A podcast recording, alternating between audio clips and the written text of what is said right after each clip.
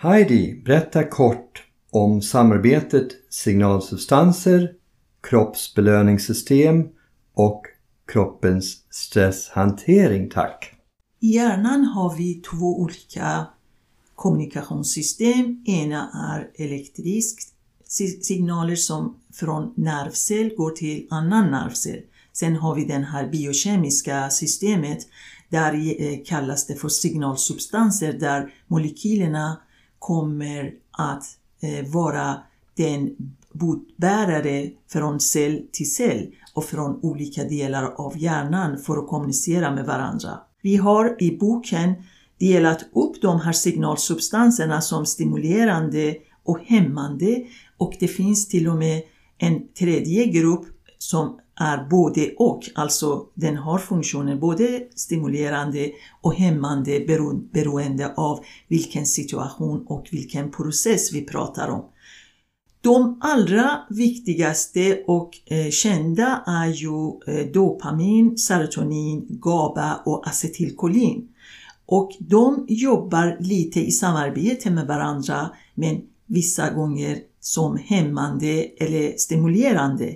Till exempel den kända dopaminsignalsubstansen behöver vi vara, vara, vara på alerten och vara skarp och motiverad känner vi oss för att börja dagen samt för att delta i andra reaktioner som är livsviktiga för hjärnhälsan.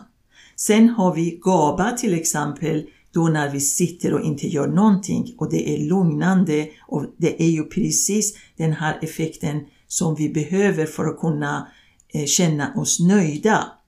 Sen finns det andra eh, belöningssystem i kroppen när vi får en bra grej och vi får en belöning från hela hjärnsystemet där som serotonin, vi känner oss lyckliga för det vi har gjort.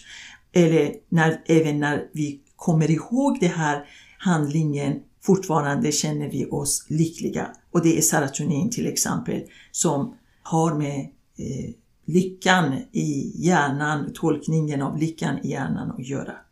Sen stresshanteringen, självklart har vi för mycket dopamin i kroppen eh, aktiverar systemet adrenalin och då kommer vi få en stresspåslag för att kunna utföra det här arbetet eller det här eh, systemet som vi tidigare pratade om, flykt eller fäkta systemet för att kunna överleva. Det är de här systemen som samarbetar med varandra.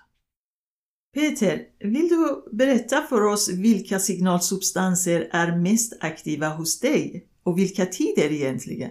Bra fråga Heidi. Jag älskar att springa eller simma eller cykla långt och när jag motionerar så har vi de här endorfinerna som samarbetar med de här signalsubstanserna och då får man det här runners high där man får den här lyckoruset av att springa långt och man mediterar och man går in i meditativt tillstånd. Så att jag tror att en blandning av att jag aktiverar dopamin, det gör man till exempel när man styrketränar. Eh, eller jag ser en liten hundvalp så, så aktiverar jag dopamin. Jag, jag blir så glad eller ser en, en, en liten blomma.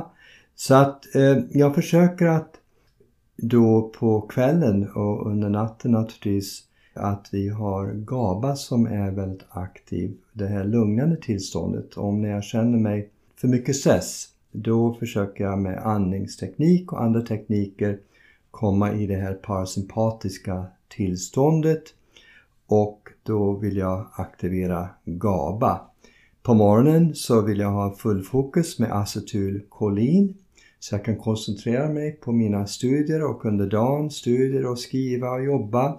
Och glutamat är den mest stimulerande då signalsubstans. Så den, den jobbar på hela tiden och det är den som man ska främst balansera med de här mera lugnande som GABA, serotonin, dopamin. Och sen har vi det fantastiska glycin som är lite hämmande men också är en aminosyra som är jätteviktig för leverns detoxsystem, fas 2. Så den också är aktiv i sömnen så att man har använt faktiskt glycin 3 gram innan man lägger sig som en typ av naturlig sömnmedel för att öka glucin under natten.